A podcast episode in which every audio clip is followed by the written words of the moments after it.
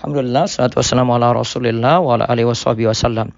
Kali ini kita berada di audio ke-23 melanjutkan amalan saat safar umroh di Tanah Suci.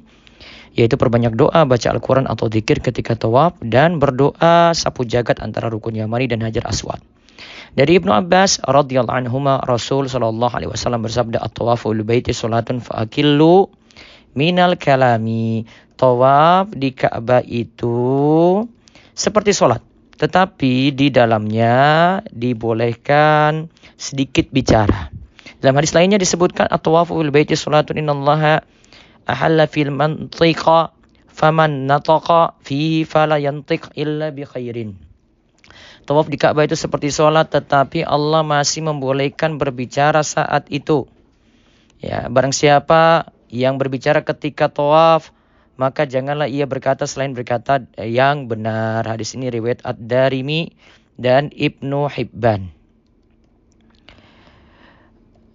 Dan, uh, dua hadis ini menunjukkan kita disuruh perbanyak kebaikan walaupun masih boleh bicara sedikit tapi berbicara yang uh, dalam taraf kebaikan yaitu ada doa ada baca Al-Qur'an atau zikir.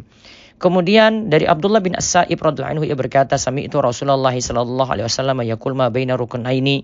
Aku pernah mendengar Rasulullah sallallahu alaihi wasallam berkata di antara dua rukun yaitu bacaan Rabbana atina fid dunya hasanah fil akhirati hasanah wa qina adzabannar. Ya Rabb kami, anugerahkanlah kepada kami kebaikan di dunia dan akhirat serta selamatkanlah kami dari azab atau siksa neraka. Hadis ini riwayat Abu Dawud nomor 1892 dan Syekh Albani mengatakan hadis ini sahih. Maka antara uh, rukun Yamani dianjurkan baca doa sapu jagat, kemudian di keadaan yang lainnya saat tawaf kita keliling Ka'bah tujuh kali, perbanyak doa, zikir atau baca Al-Quran. Semoga bisa diamalkan dan Allah mudahkan untuk tawaf dan ibadah umrohnya sampai rampung dengan sempurna. Allah ibarik fiqh.